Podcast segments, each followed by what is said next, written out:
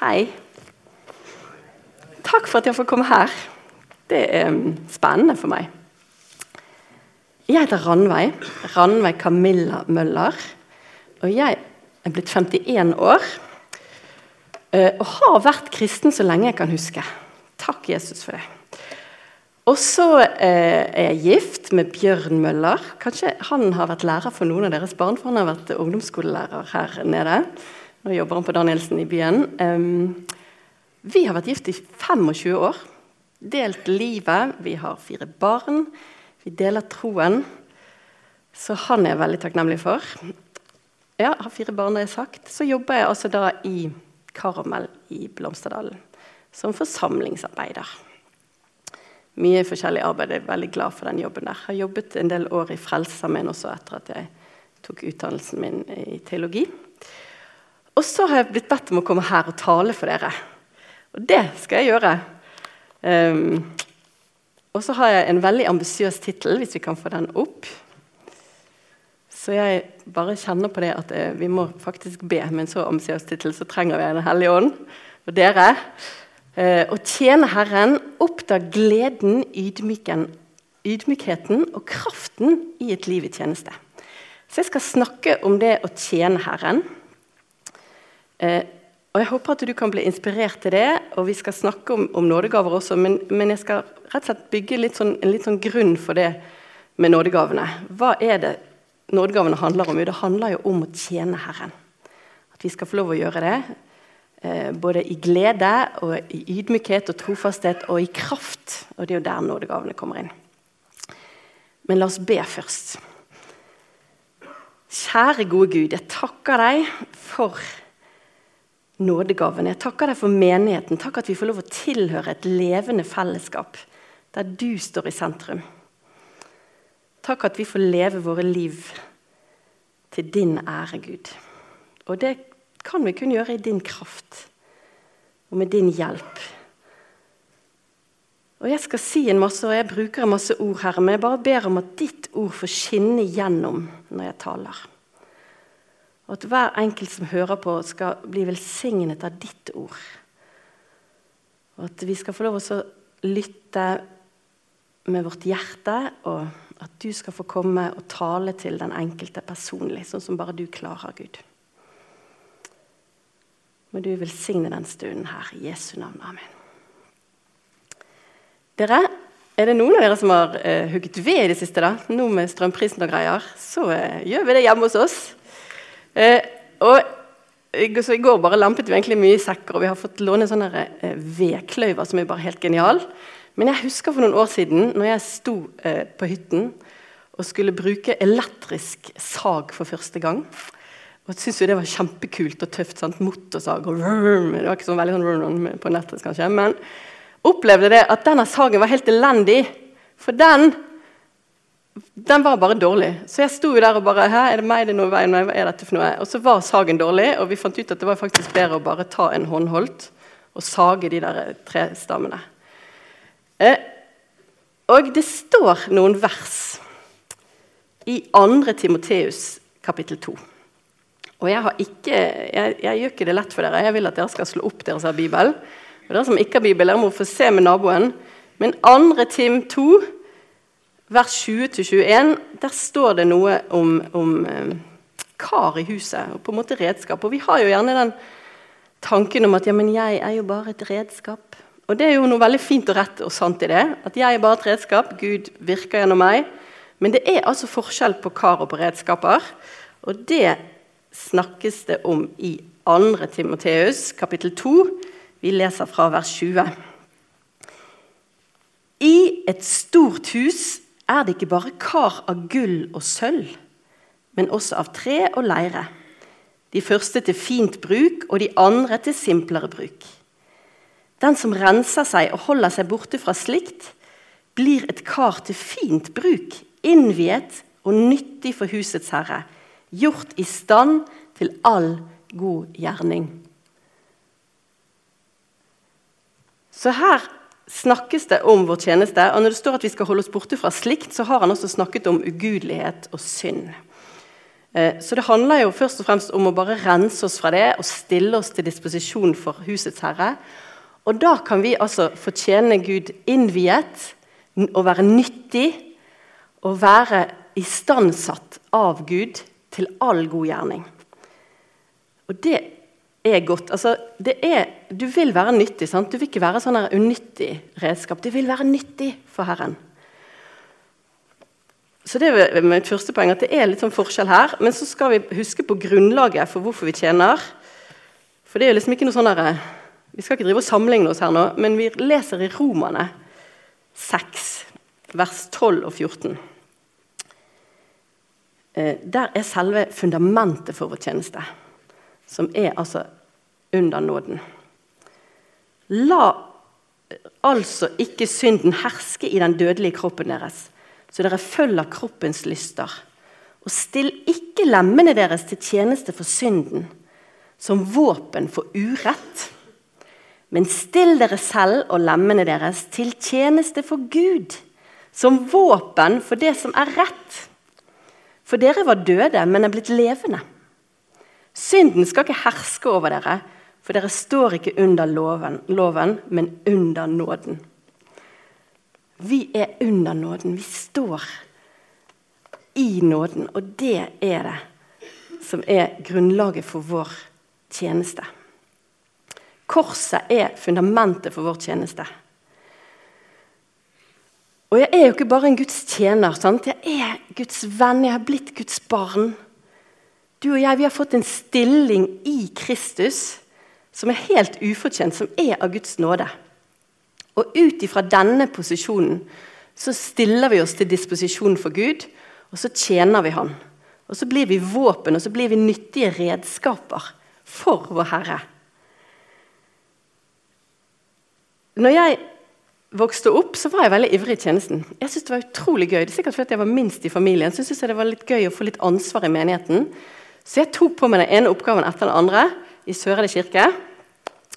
Eh, og ble 15 år og var travelt opptatt i livet ellers. Trente og spilte piano og jobbet med skolearbeid og var aktiv i Søreide menighet. Og så møtte jeg veggen.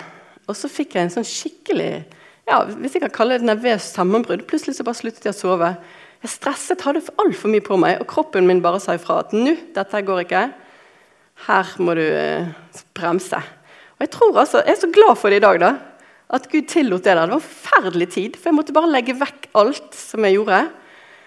Og, og merket jo fort hvor utrolig mye identitet jeg hadde i mine prestasjoner og, og det som jeg gjorde. Eh, både mitt, mitt, gudsliv var bygget på det, og, og, også på en måte karakteren på skolen. alt det der. Jeg hadde mitt selvbilde veldig mye i det som jeg klarte å få til. da. Og så i den tiden så var det kun liksom skolen som gjaldt, og jeg sluttet med alt. Eh, og jeg måtte, måtte, bare kjenne på det at vet du hva, det spiller ingen rolle hva jeg får til, hva jeg gjør. Skolen gikk jo også rett i do. Karakterene gikk bare helt nedenom igjen. Og så hadde, fikk jeg en sånn trygghet på innsiden av at jeg elsket, uavhengig av hva jeg får til, hva jeg gjør. Så det der også få oppdage det, da, at det er nåden som gjelder, det er jeg så himla glad for at jeg fikk lære tidlig i livet. Og så er det jo ikke det at jeg ikke har kommet inn i stress seinere. Men da er det lett for meg bare å vende tilbake og tenke Gud, det er deg og, og, livet med deg og den relasjonen som jeg har til deg, som er viktigst. Eh, og Det ble veldig um, strevsomt når jeg begynte i Frelsesarmeen. Masse menneskelige behov. Jeg så at jeg kunne møte dem på veldig mange måter, hadde mange ressurser. Og Jeg husker i begynnelsen av min tid der eh, at plutselig så var jeg tilbake i det der stresset og det der, å, det er så mye å gjøre. og Jeg får ikke tid til å være med Gud så mye. Jeg må bare liksom be en kjapp velsignelsesbønn her, og så løper vi videre i tjenesten. Og Så kom jeg til et, um, en sånn lederkonferanse. Og Da skulle vi på fredagskvelden bare lytte til Gud. Vi tok, vi tok, litt tid sammen, og så skulle vi liksom høre hver enkelt om Gud hadde noe å si meg. Og jeg tenkte ja, de, sikkert at jeg hører noe fra Gud. Jeg har jo så dårlig kontakt oppad. Men heldigvis Gud er så god, så han taler uavhengig av, av liksom hvor flink du har vært i ditt bønneliv. Og han bare sa to ord. Eller var det tre? Ja, han sa to ord som bare her, fikk meg til å senke skuldrene. Og de ordene var 'tjen meg'. Og det var så befriende. å tenke ja Gud, det er deg jeg skal tjene. Jeg skal ikke tjene masse mennesker og masse menneskelige behov. Jeg skal bare følge deg, Herre. Og så legger ikke du ting på meg som jeg ikke klarer og ikke makter. Så det har jeg måttet holde fast på. Og jeg vet altså forskjellen på det å stå i tjenesten under nåden og det å ikke gjøre det. Og det er helt klart best å tjene med nåden som utgangspunkt. For da kjenner du på en sånn trygghet og en sånn hvile. Selv når det faktisk blir fiasko, det du holder på med, så kan du kjenne på det. At jeg har noe på innsiden her som ikke Gud tar fra meg, og som, og som fins der, og som er godt. Så korset, det er grunnlaget og det er måten og det er målet for vår tjeneste. Nå har jeg egentlig sagt litt om grunnlaget. Sant? Vi tjener fordi at Gud tjente oss. Og så skal jeg si ganske mye om måten vi tjener på. At vi tjener Gud i nærhet til Han, i kjennskap til Han. Vi tjener Han trofast og ydmykt. Eh, og så tjener vi i, i kraft, i Guds kraft. Vi får lov å tjene i en overnaturlig kraft. Eh, og så er jo målet for vår tjeneste også korset. At vi får tjene mennesker sånn at de kommer til korset og blir betjent av Jesus. Og hele livet deres skal være en tjeneste til Guds ære. Gud han har en hensikt med deg. Han har et oppdrag for deg og for hver og en av oss. Og det er jo et privilegium dere, hæ? å få lov til å tjene den høyeste Gud. Altså, Fins det noe bedre herre i hele universet enn vår mester? Og Han har vi fått lov til å tjene. Det er jo bare helt enormt når du tenker på det. Jeg skal snakke litt om, om tre typer tjenester som vi finner i Bibelen. Jeg kan egentlig bare gå til det. Her har vi en som tjener i glede, men der er tre ulike tjenester. Det er alt vårt arbeid, alt det vi gjør. Og så er det forsoningens tjeneste, som jeg ikke skal si så mye om, for jeg forstod at jeg snakket dere litt om sist søndag. Eh, og så er det tjeneste i forsamlingen. La oss begynne med det første. Og da er det et av favorittversene jeg har, som står i Kolosserbrevet, kapittel 3. Kolossene kapittel 3, vers 23. Kolossene 3, 23. Det er et herlig vers. Alt arbeid skal dere gjøre helhjertet, for det er Herren og ikke mennesker dere tjener. Herlig? Alt arbeid, det er en tjeneste for Herren. Det er en gudstjeneste. Så vi tjener med det vi gjør. Det står jo også det i, romerbrevet om det at vi, eh, vi, lever ikke for oss selv. Sant? Om vi lever, så lever vi for Herren. Om vi dør, så dør vi for Herren. Og alt som vi gjør, det gjør vi for Herren. Så det er oppgavene i vårt hverdagsliv, det er jobben vår, om du går på skole, det du gjør for din neste. Alt det er en tjeneste også for Gud. Eh, og vi må huske på det at, at arbeid er en del av det gode som Gud skapte for deg og meg. Det Arbeidet kom ikke etter syndefallet. Arbeidet var noe som mennesket ble satt til før syndefallet. Så det er en del, av, Hvis du tenker liksom himmelen som et sted der du bare skal slappe av og spise god mat og synge en sang så tenker jeg helt annerledes om det. Jeg tenker Det blir masse spennende å gjøre og få til der oppe. Men vi får se.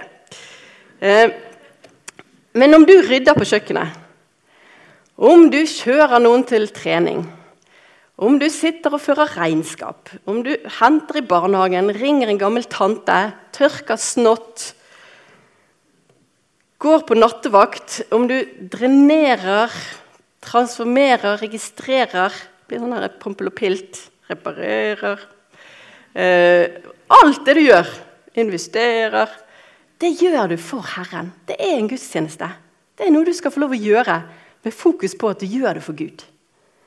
Og da blir det en tjeneste i glede. Skal jeg se om jeg kommer tilbake der. Her er det noen som vasker bilen. De her barna tenker kanskje at de gjør det for sin far, men det er jo ganske gøy å vaske bilen med unger. Eh, og de kan tjene Gud sammen i glede. Så uansett hvilken jobb du gjør, så har den innstillingen at du gjør det for Herren. Der er vi igjen. Um, og det er så lett å glemme. Bare, bare tenk nå, Hva er det verste du gjør på jobben din eller på skolen eller hjemme. Hva er det? Er det liksom klesvasken, eller er det Hva er det for noe? Tenk, det skal du få lov til å gjøre for Gud. Her, da, da, får du liksom litt nytt perspektiv på det, gjør du ikke det? Men Ranveig, jeg er arbeidsledig. Ja, men da er det jobben din å søke jobb. Det er hardt arbeid, skal jeg si deg. Ja, men jeg er pensjonist, eller jeg er uføretrygdet. Da er det utallige muligheter for deg til å tjene Gud. Altså, jeg, Noen av de som har velsignet meg rikest i livet, de har vært pensjonister og uføretrygdede. faktisk. Ja, men jeg er syk. Jeg kan ikke tjene Gud. Jeg er syk. Ja, jeg tenker at Det er jo perioder i livet der, der det er Nei, jeg, skal ikke si det. Jeg skal si at du kan uansett tjene Gud, også, for du kan tjene med bønn. Jeg bodde, når jeg flyttet hjemmefra, så bodde jeg hos en gammel frelsesoldat. og Hun var lenket til sengen. Hun kom seg ikke noen steder, men jeg hadde en hybel igjen hos henne. Og hun hadde en bønnetjeneste. Og hun hadde et rikt liv pga. det. Så arbeidet er ikke kun et middel for å, å gi deg penger. Gud bruker deg i hjemmet, i, på jobben, på studiestedet, i borettslaget. Gud bruker deg der som du er, og så involver han i den tjenesten. Det var den første type tjeneste. Den andre det står det om i 2. Korinterne 5,18. Der står det at vi har fått forsoningens tjeneste. Ikke fordømmelsestjeneste, forsoningens tjeneste. Vi skal få lov å hjelpe til, sånn at Gud og mennesker blir forsont. Det er jo flott. Så er det ikke sikkert at vi er der helt. sant? Oh, jeg tør ikke å snakke med noen om det. Eh, men vi skal altså få lov å være lys og salt i en mørk og råtnende verden. dere. Og vi har et budskap om frelse som er bedre Og det er jo altså det er engler som misunner oss det budskapet der. Og Om det ikke er helt der, så, så vil jeg bare oppmuntre deg til å bare tilbringe tid med Gud og snakke om det. Og kultivere et hjerte som er nidskjær for de utfrelste. Det tror jeg Gud kan skape i oss. Og det tar tid. Eh, og så kan du leve et kristent liv som, som, skinner, og som er ekte for de som ser på. Og du kan smette inn i samtalen så ofte som det er naturlig at du er en kristen. Jeg har en venninne som ligger på Haukeland, hun har problemer med en lunge. Og hun eh, fikk en forklaring på hva som var eh, veien da, og så bare sa hun Å, det var bra du sa! For jeg er kristen, jeg, skjønner du, så jeg trenger å be. Og da er det så fint å vite hva jeg skal be for. Nå vet jeg konkret hva jeg skal be for. Det sa hun kjempefrimodig sant, til kirurgen der. Eh, det, eh, og det er noe med det å bare smette det inn. Liksom Ikke si 'nei, jeg kan ikke, for jeg skal, jeg skal på sånn damekveld'. Men kall det bibelgruppe, da.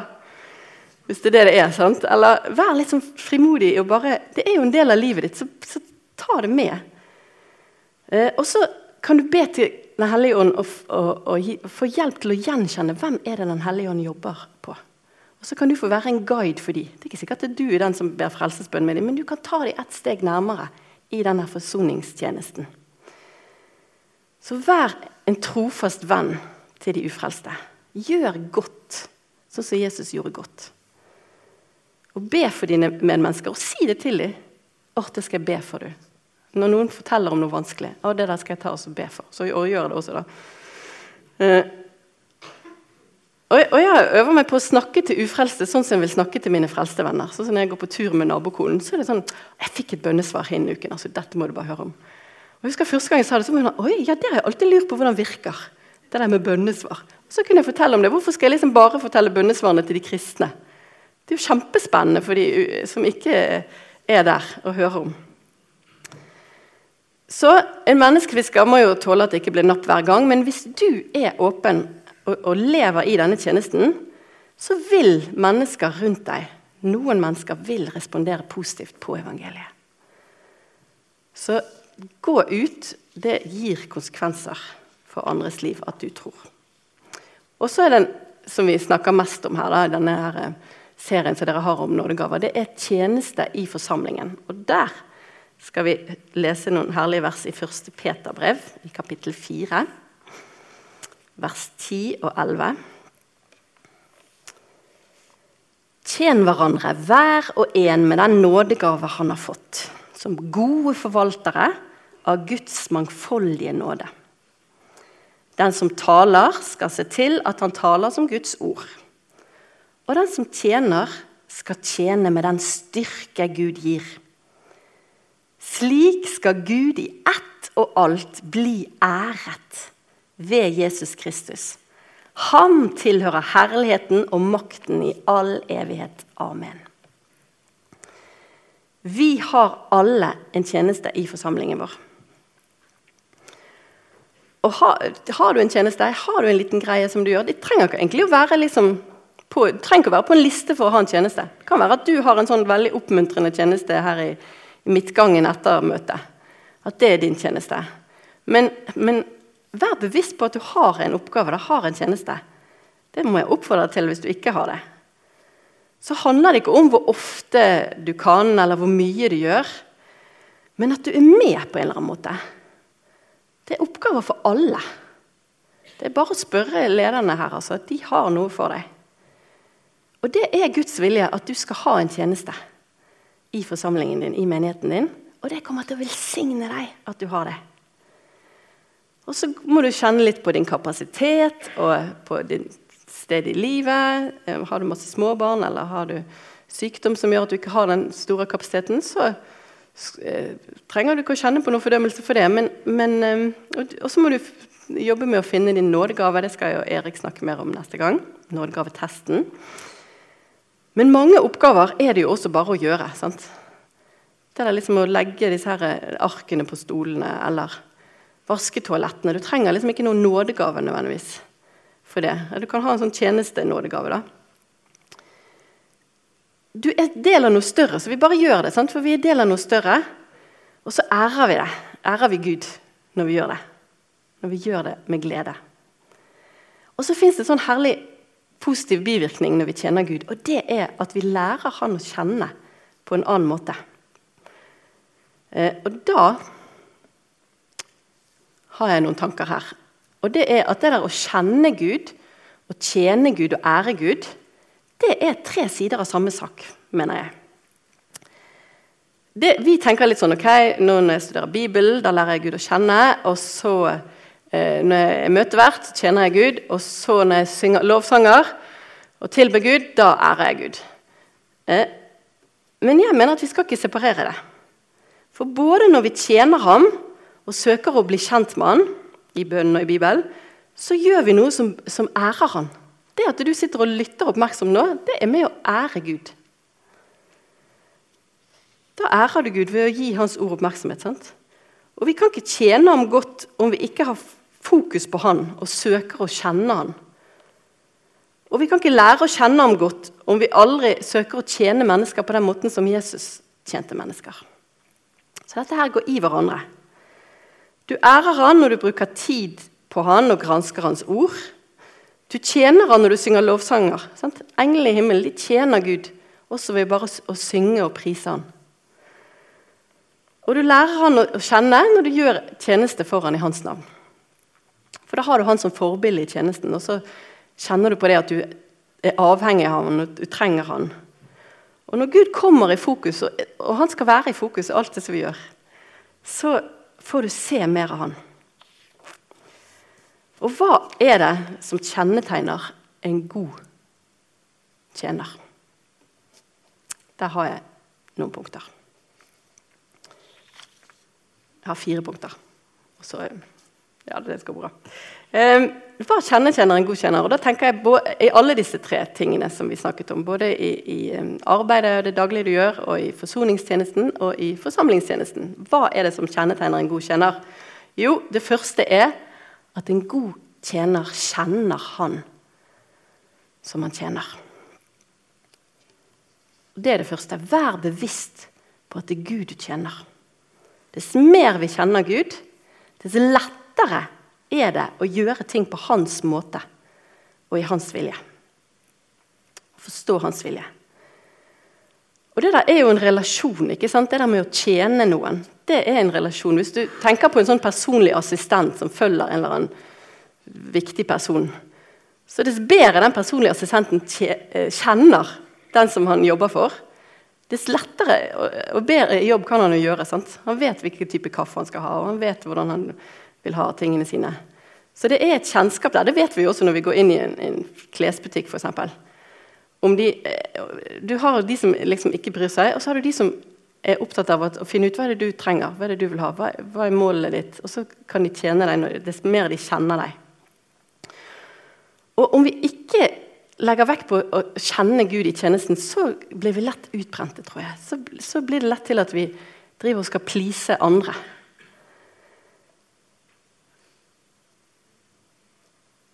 Så det er viktig det der med å, å, å fokusere på at vi må kjenne Gud. Jesus han holdt seg nær til sin far. husker vi, sant? Han var opptatt av det. Han måtte være nær sin far når han tjente her på jorden. Han måtte vite hans vilje.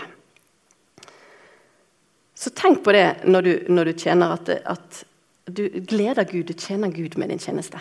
Det, det kan være at du kjenner litt sånn at, Må jeg nå igjen? Må vi igjen støvsuge her?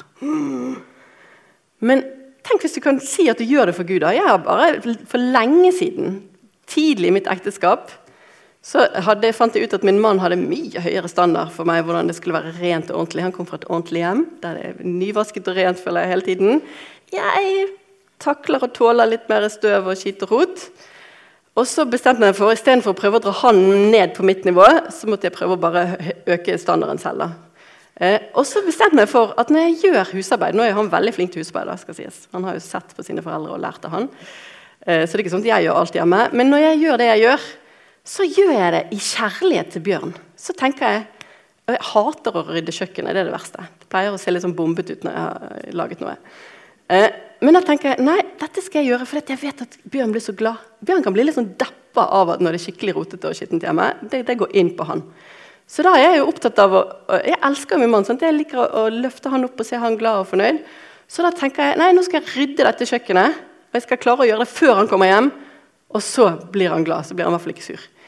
Eh, så det er en innstilling som jeg har. Sant? Og det er jo så mye gøyere å gjøre noe sånt i kjærlighet til en annen enn å bare tenke nå skal jeg bare vaske opp denne panen for n-te gang, og den kommer til å bli skitten igjen med en gang ungene svir kakaoen igjen. Sant? Eh, det, bare ha rett innstilling. Det er poenget her. Det er nøkkelen til glede i tjenesten. En god tjener er Skal vi se om jeg klarer det nå. Nei, nå vil han ikke. Jo. En god Å, det var Nå skal jeg prøve å gå tilbake igjen, for nå går det litt for fort her. Det skal vi snakke om etterpå. Der er vi! Nei? Én. Det har vi snakket om. Det skal vi snakke om. En god tjener er ydmyk. Og det er jo ikke så lett for oss mennesker å være ydmyke. Vi vender oss veldig ofte bort fra det som Gud vil. Og vi er vant til å sette oss selv over Gud. Og Det er et mønster, og det er jo noe vi må omvende oss fra sant? og bøye oss av fra. For mitt liv handler ikke om meg, og ditt liv handler ikke om deg. Det handler om å tjene Gud. Og der er selve definisjonen synes jeg, der på ydmykhet. Det står i Filippa-brevet, kapittel 2. Da kan vi se om vi klarer Den neste. Nei. Klarer du å styre det, Atle? Men i, i Filippane 2, vers eh, 3-4, rett før den fantastiske om hvordan Jesus fornedret seg selv, så står det noen ord til oss. Um, Gjør ikke noe av selvhevdelse og tom ærgjerrighet, men vær ydmyke og sett de andre høyere enn dere selv. Tenk ikke bare på deres eget beste, men også på de andres. La samme sinnelag være i dere som også var i Kristus Jesus. Så vi skal ikke gjøre noe ut fra vår selviske perspektiv. Her ser du um, det, uh, Her er det altså fotvasking, og det husker vi jo. sant? Jesus han var motivert av kjærlighet. Og han var totalt uselvisk og selvoppofrende i det som han gjorde. Og så blant annet så vasket han altså disiplenes føtter. Og det vet vi, det var dårlig tjenerarbeid. Det var faktisk sånn at De skriftlærde drev og diskuterte om, om, jødiske slaver skulle ha en så dårlig jobb som det der. For de var jo tross alt jøder. Så, eh, så dette var liksom det, det skitneste, bokstavelig talt, det skittneste den skitneste jobben du kunne ha.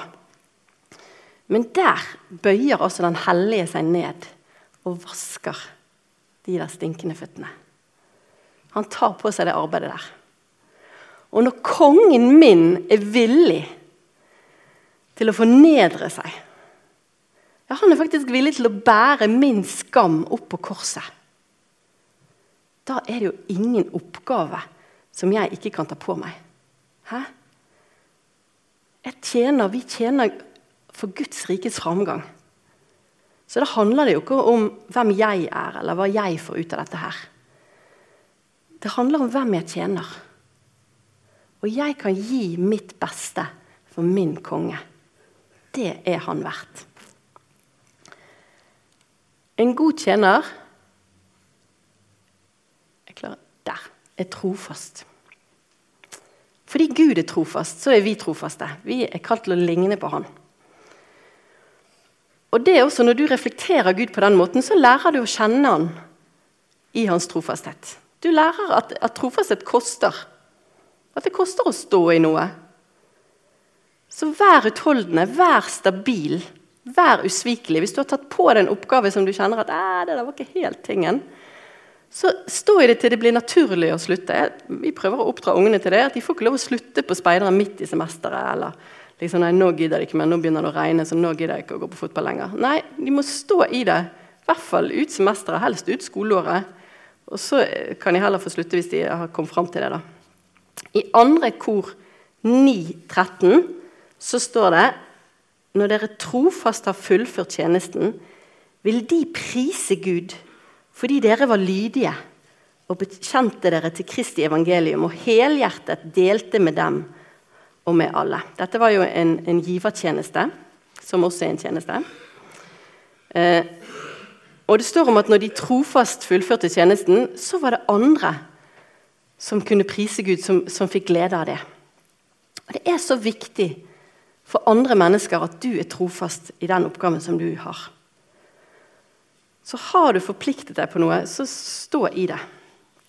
Jeg husker når vi eh, jobbet i Frelsesarmeen i Solundsviken, så hadde vi en frivillig oppgave å være ungdomsledere for tøffe ungdommer i, det, i den bydelen der. Og de var ikke vant til det, at, at, noen sto i tjenesten. Det tok meg et helt år å, å, å, få en relasjon med de ungdommene der. De så på oss som noen sånne vakter.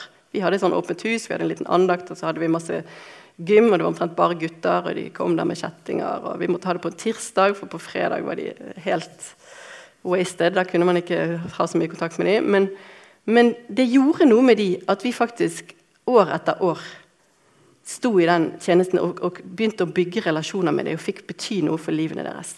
For de var vant til at kommunale kurs og greier de liksom var inne der et halvt år, og så sluttet de. eller De var vant til at mamma fikk seg en kjæreste, men etter noen måneder så var det en ny en. Så, så, det der med trofasthet har så mye å si for andre mennesker. En god tjener Nå kommer vi til det spennende, kanskje. En god tjener Ops. Tjener i Guds kraft. Det var det siste bildet. Det skulle kanskje nå. En god tjener tjener i Guds kraft. Tenk det. Vi får lov å tjene i Guds kraft. Vi kan se tilbake i det verset i 1. Peterbrev, kapittel 4. Og den som tjener, skal tjene med den styrke Gud gir. Du kan erfare Guds kraft i tjenesten din. Så kan du erfare det overnaturlige. At Gud velsigner deg med nådegaver og kraft og styrke til å tjene sånn som han vil at du skal gjøre. Eh, og så betyr det at ikke vi kan bli slitne. Jesus ble sliten. Han tjente Guds kraft, men han ble sliten. Men om vi tjener uten Gud og uten hans kraft, så tror jeg at vi etter hvert blir utbrent. For dette, det er krevende å stå i en tjeneste. Og vår styrke strekker ikke til. Vi er helt avhengig av Gud. altså. Og Det er sikkert flere grunner til å bli utbrent, men det er altså så viktig å holde blikket festet på troens opphavsmann og fullender.